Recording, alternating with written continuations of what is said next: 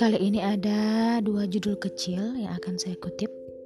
Yang pertama, kita membandingkan diri kita dengan orang lain. Yang kedua, Anda membandingkan kebaikan dengan keburukan. Dan yang pertama, kita tidak mengklaim diri sempurna. Tapi ketika kita membandingkan diri kita dengan orang lain, apa yang telah kita lakukan sepertinya tidaklah buruk dan tentu saja, ketika kita menilai diri kita sendiri, kita biasanya memberi penilaian yang murah hati dibandingkan dengan apa yang pernah dilakukan oleh banyak orang lain. Dosa-dosa kita terlihat begitu kecil. Kita mengabaikan dosa kita dan kebutuhan kita akan kasih karunia melalui membandingkan diri kita dengan orang lain. Tapi apa Anda tahu apa yang sedang Anda lakukan?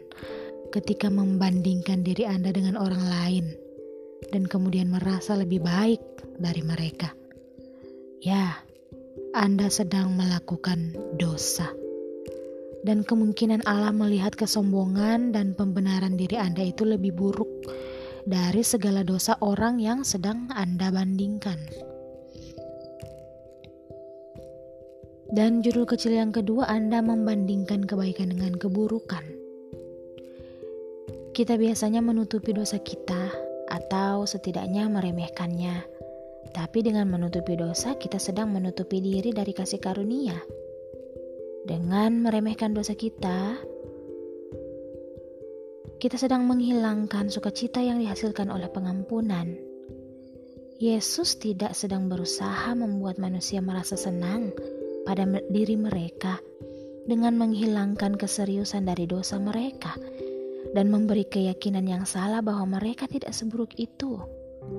Yesus menjelaskan bahwa orang yang banyak diampuni, banyak pula mengasihi. Kita juga bisa lihat dalam Lukas pasal 7 ayatnya yang ke-47. Dia mensejajarkan kasih kita kepada Allah dengan seberapa besar pengampunan yang telah kita terima.